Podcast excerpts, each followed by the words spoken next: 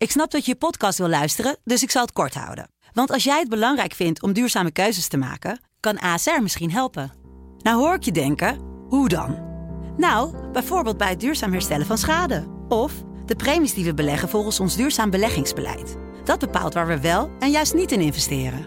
Wil je meer weten over welke duurzame keuzes ASR maakt? Ga dan naar asr.nl slash duurzame keuzes. ASR doet het. Zo, dan kan je nu lekker naar je podcast luisteren. Dames en heren in de rechtbank. De zaak ontleed met Saskia Belleman en Wilson Boldewijn. Als Ines Wesky nog in functie zou zijn, dan zou ze zich daar niet bij neerleggen. Nee. En de vraag is dus even of Tagje dat wel doet.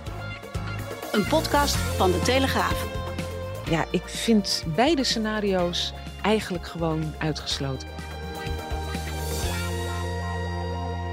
Saskia, welkom. Dankjewel. Ja, sinds de aanhouding van Ines Wesky op vrijdag 21 april staat het Marengo-proces echt op zijn kop. Ja. Overdachte Ridouan Taghi gaat voorlopig verder zonder advocaat. Eh, twee andere advocaten in het Marengo-proces luiden de noodklok. Ines Wesky is voorlopig geschorst. Maandag was de eerste zitting sinds haar arrestatie. Ja, dat wekt natuurlijk behoorlijk nieuwsgierigheid op. Ja, Want voor de eerste keer kwamen even heel veel verhalen kwamen in één keer samen. Hè? ja dat klopt. Ja. Ja, hoe was dat maandag? Ja, een beetje vreemd eigenlijk. Ehm, de rechtbank begon eigenlijk, de voorzitter, met de mededeling van... eh, nou ja, we weten allemaal, er is een, eh, een incident geweest. Eh, de naam Wesky viel eigenlijk niet eens. Dat bevreemde iedereen wel een beetje. Want ja, iedereen weet wat er gebeurd is. Ga daar als rechtbank even een paar woorden aan wijden. Dat deden ze niet. Deden ze niet. Nee. Wie er wel heel veel woorden aan wijden waren Nico Meijering en Christian Vlokstra. Dat zijn eh, de advocaten die eh, Fiek en Partners. Precies, van Fiek en Partners. Die staan Mohammed eh, R. onder andere bij. En nou, die hebben eigenlijk een frontale aanval geopend op kroongetuigen. Nou is van hun kantoor bekend dat zij het niet hebben op kroongetuigen. Ze hebben ze ook wel eens kroonleugenaars genoemd. hebben zelfs op hun site een mededeling staan dat ze uit principe geen kroongetuigen bijstaan. Maar wat ze nu bekend maakten was, wij gaan ook niet meer optreden in processen waarin kroongetuigen betrokken zijn. Dus niet alleen staan ze geen kroongetuigen bij, ze willen nu helemaal niks meer te maken hebben met processen waarin kroongetuigen optreden. En wat is het argument? Ja, zij zeggen eh kroongetuigen worden door het Openbaar Ministerie ten onrechte gezien als de heilige graal voor de waarheidsvinding, terwijl het eigenlijk alleen maar een, eh, een recept is voor ellende en gedoe. Ja, daar kan ik ze eerlijk gezegd niet helemaal ongelijk in geven, want er is inderdaad iedere keer gedoe over in ieder geval de kroongetuigen in het Marengo-proces. Ja, Gaat niet voor iedere kroongetuige op hoor. Er zijn ook processen waarin eigenlijk geen wanklank klinkt of in ieder geval niet heel veel incidenten zijn. Maar in het Marengo-proces is dat wel degelijk het geval. ja. En in hoeverre, eh, als we even alles van het Marengo-proces op één hoop vegen, Mhm. zijn natuurlijk die keiharde liquidaties van Ja. iedereen die rondom eh, de hoofdverdachte, of het nou zijn advocaat is, of het nou zijn broer is, of het nou een misdaadverslaggever is, onze collega Peter de Vries. Dat heeft natuurlijk eigenlijk ook voor heel veel gedoe gezorgd. Klopt. Het is niet ja. specifiek alleen de kroongetuige, alleen de kroongetuige was wel elke keer De aanleiding, De zou aanleiding. zeggen. Ja. ja, dat is wel de gedachte. Dat, ehm, kijk, er is natuurlijk niet vastgesteld dat Ridouan Taghi daarachter zit. Maar het wordt algemeen aangenomen dat het wel een poging is om de kroongetuigen te intimideren. Ja, en ervoor te zorgen dat hij niet verklaart. Ja, Ja, hij had er in ieder geval een belang bij. Dat is een ding dat zeker is. Het is een proces dat eigenlijk. Het gekke is, het, het lijkt voortdurend te gaan over alle incidenten om dat proces heen. Hè? Het gaat helemaal niet meer om de inhoud, lijkt het wel. ja. Ridouan Taghi en 16 medeverdachten staan terecht voor ehm, zes moorden en een hele reeks pogingen en voorbereidingen tot moord. Ja, en als je hoort hoe er over dat Marengo-proces wordt gesproken, dan gaat het eigenlijk vooral over al die incidenten die eromheen ja, gebeuren. het is een hele kwaadaardige soap geworden. Ja, dat is het. Ja, Onno de Jong, de, de voormalig advocaat van de kroongetuigen, heeft het ooit het meest toxische proces ooit genoemd. Nou, daar heeft hij eigenlijk wel gelijk in. En je merkt dat steeds meer mensen zich wel bij die opvatting aansluiten. Nou, zoals je weet heeft de kroongetuigen advocaten Onno de Jong en Peter Schouten niet meer. Hij zit dus zonder advocaat. Hoofdverdachte Ridouan Taghi zit inmiddels zonder advocaat. En ook de broertjes Mao en Mario R. die zaten zonder advocaat, want die werden bijgestaan door Wesky. Maar die hebben wij vandaag gehoord, hebben inmiddels allebei een nieuwe advocaat gevonden. Dat geldt niet voor Taghi, die zit nog steeds zonder. Ik begreep dat Guy Wesky, de zoon van Ines, ook een uitspraak heeft gedaan over... Hij zegt het gaat tot vertraging leiden. dat verwacht hij wel. Ja, en ik moet eerlijk zeggen, kijk, stel nou dat Ridouan Taghi aangeeft, ik wil heel graag een advocaat hebben. Ja. Nou, even vooropgesteld dat hij die kan vinden. Dat is tot nu toe niet gelukt en ze zullen echt niet voor hem in de rij staan. Even los van de vraag of hij inderdaad allerlei mensen in zijn omgeving eh, wil intimideren, chanteren of bedreigen. Want dat weten we helemaal niet. Maar Eén ding is zeker, je krijgt als advocaat van Tachi te maken met beveiliging. En het belemmert je enorm in je hele privéleven. Nou, daar zit echt niet iedereen op te wachten. Maar ook als zich wel een advocaat meldt, dan betekent dat dat hij zich dat dossier eigen moet maken. Nou, het is een waanzinnig omvangrijk dossier. Daar heb je echt op zijn minst een aantal maanden voor nodig om je daarop in te lezen. De rechtbank heeft maandag gezegd: wij houden vast aan de uitspraakdatum op 20 oktober. Maar of dat haalbaar is, Ja. ja, dat is maar de vraag. Nou, woensdag, vandaag dus, heeft ook Jan Hein Kuipers daarover nog een duit in het zakje gedaan, een advocaat. En Wie van, verdedigt Jan ja? Jan Hein Kuipers, eh, die staat een van de andere 17 verdachten bij. En die vroeg op een gegeven moment aan de rechtbank van ja, stel nou hè, dat Ridouan Taghi wel een advocaat wil hebben. Hoe schat u dan de consequenties voor de andere verdachten in?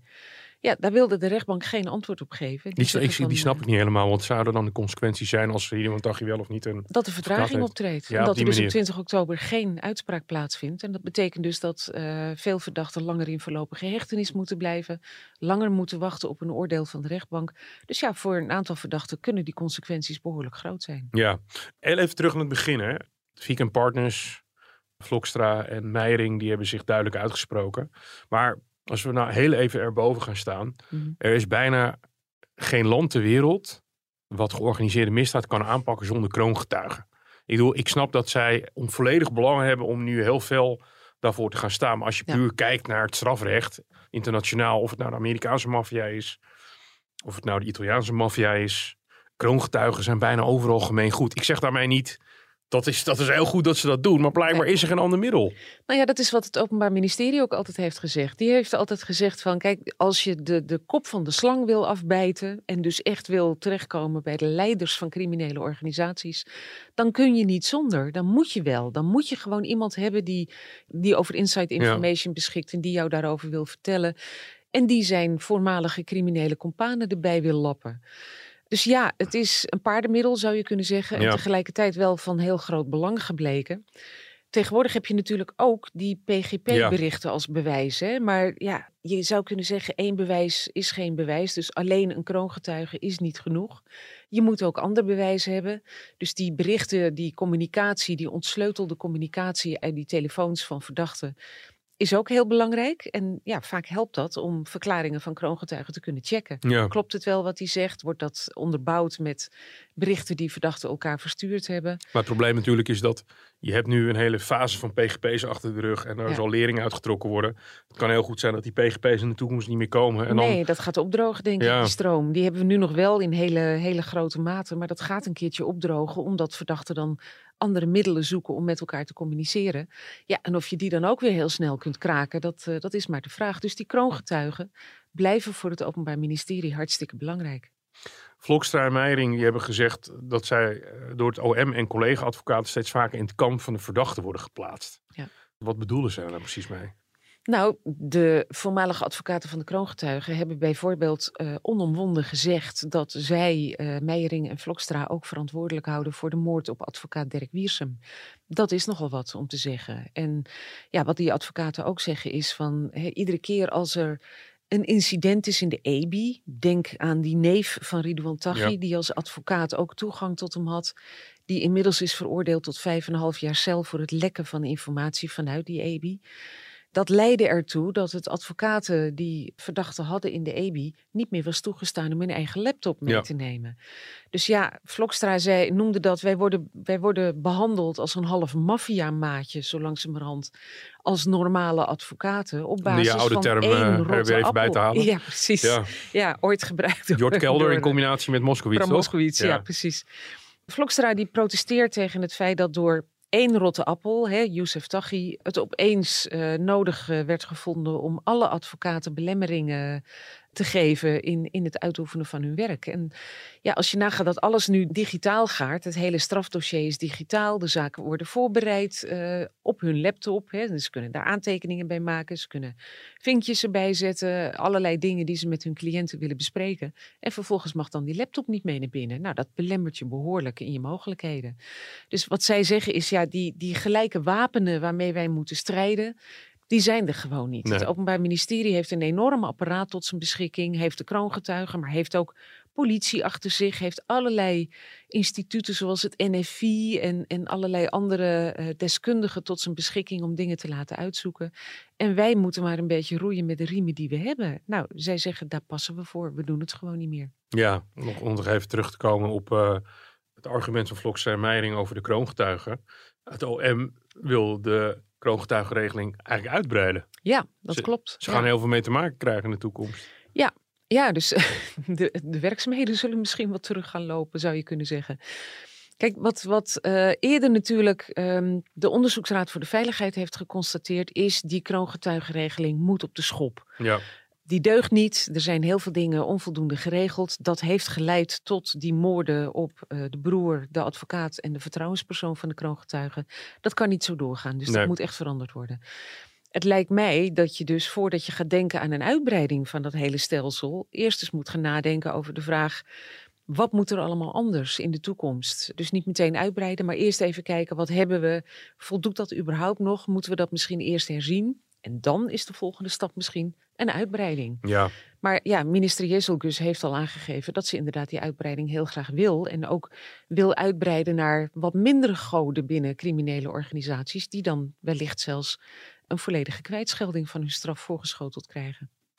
Laten we nog even naar uh, het element gaan dat Tachi zonder advocaat zit. Zijn advocaat is inmiddels aangehouden. Ik heb het net allemaal gezegd. En is uh, voorlopig... Uh, geschorst. Hij gaat zijn eigen verdediging voeren. Dat kan allerlei consequenties hebben. Zoals in, in relatie met Jan en Kuipers. Van wat betekent dat qua uitstel of, of vertraging. Ja.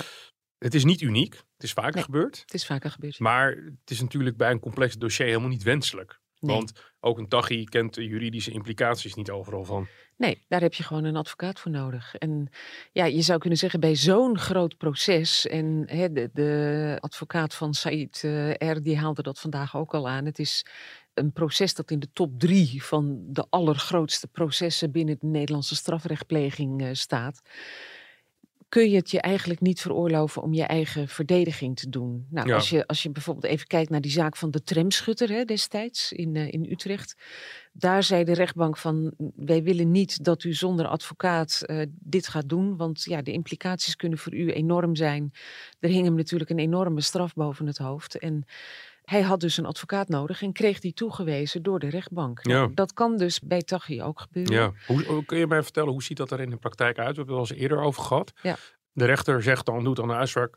Meneer Taghi, ik wil dat u een advocaat zoekt. Ja. Wat gebeurt er dan? Nou ja, dan gaat hij op zoek. Dat is al heel lastig hè, vanuit de EBI. Hij kan natuurlijk niet Pakt heel vrijelijk De gouden gids die bestaat geloof ik inmiddels nee. niet meer. Maar... En uh, het kan natuurlijk zijn dat familieleden van Taghi op zoek gaan naar een advocaat. Uh, maar stel dat dat niet lukt, omdat heel veel advocaten het gevoel hebben van nou sorry, maar de consequenties die daarmee samenhangen ben ik niet bereid te accepteren.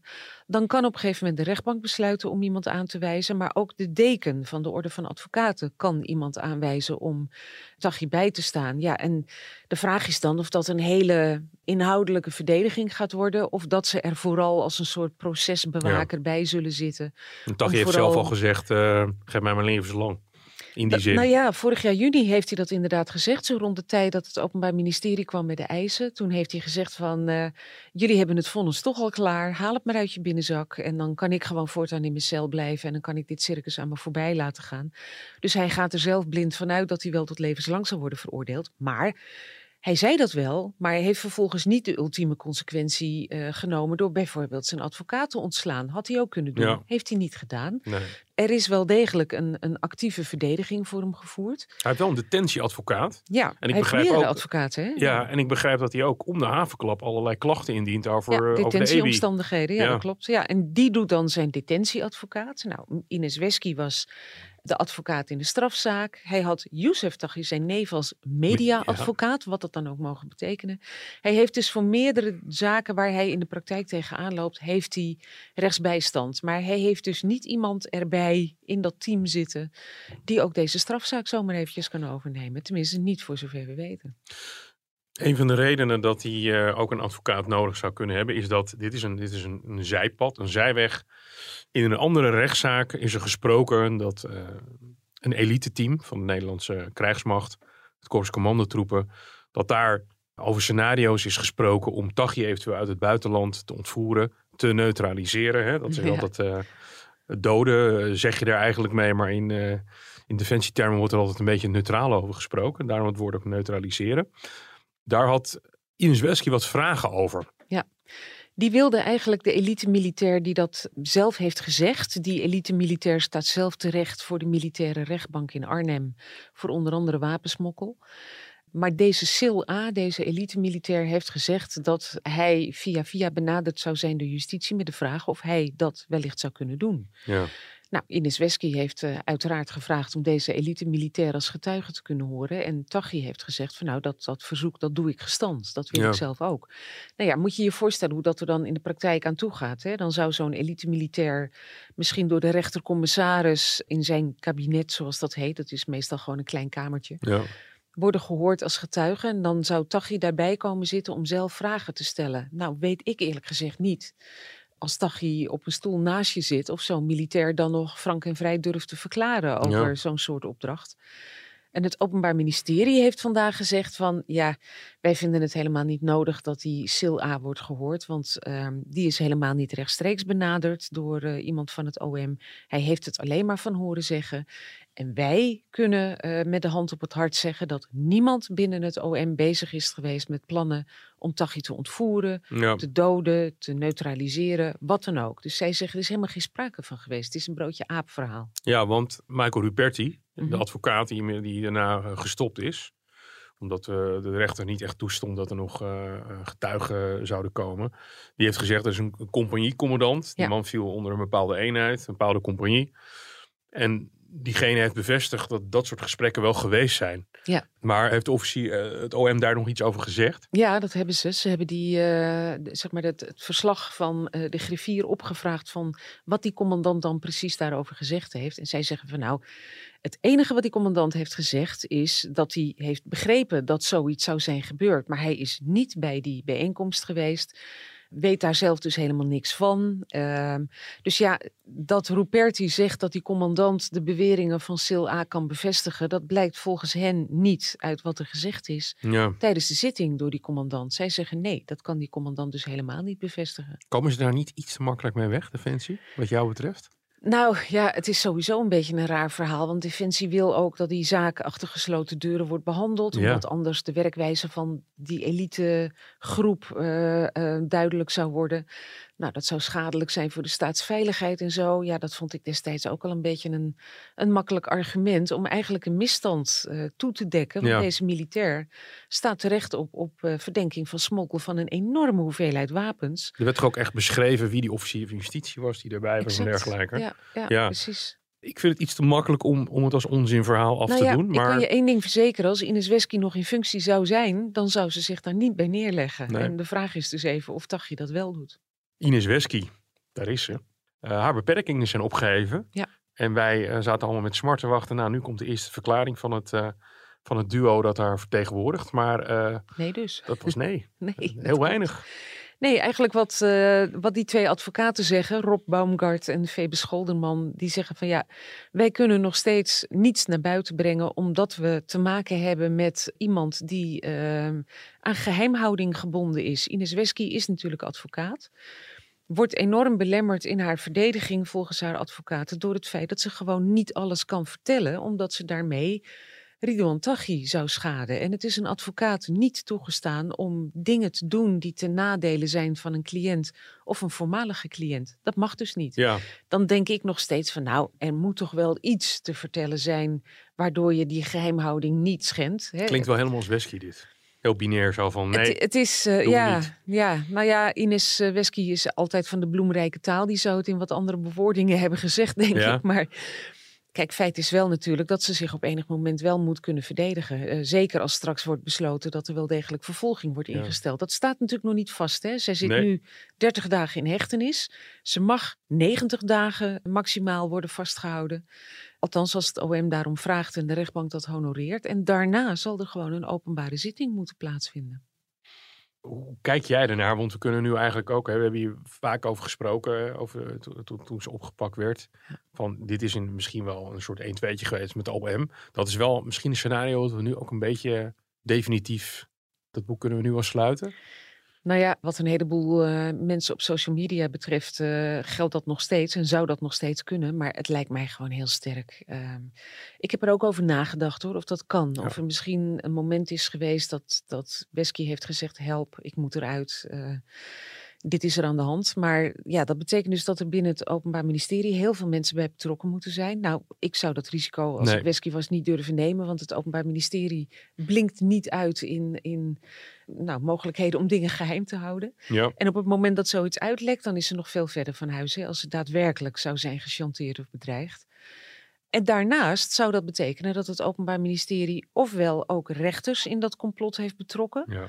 En dat we hier naar één groot theaterspel zitten te kijken. Nou, dat vind ik moeilijk om te geloven. klinkt allemaal heel onrealistisch. Of ze, ze, eh, ze draaien ook rechters een rad voor ogen. En ja, ik vind beide scenario's eigenlijk gewoon uitgesloten. Ik kan me dat niet voorstellen.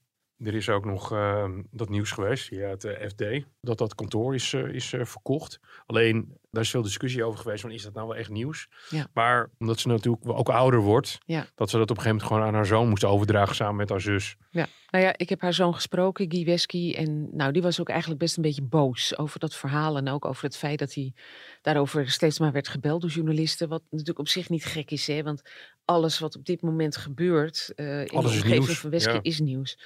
Maar wat Guy Wesky zegt is, ehm, de zus van Ines Wesky, Mirjam Wesky, die al voor haar dat kantoor heeft opgericht, is er drie jaar geleden al uitgestapt.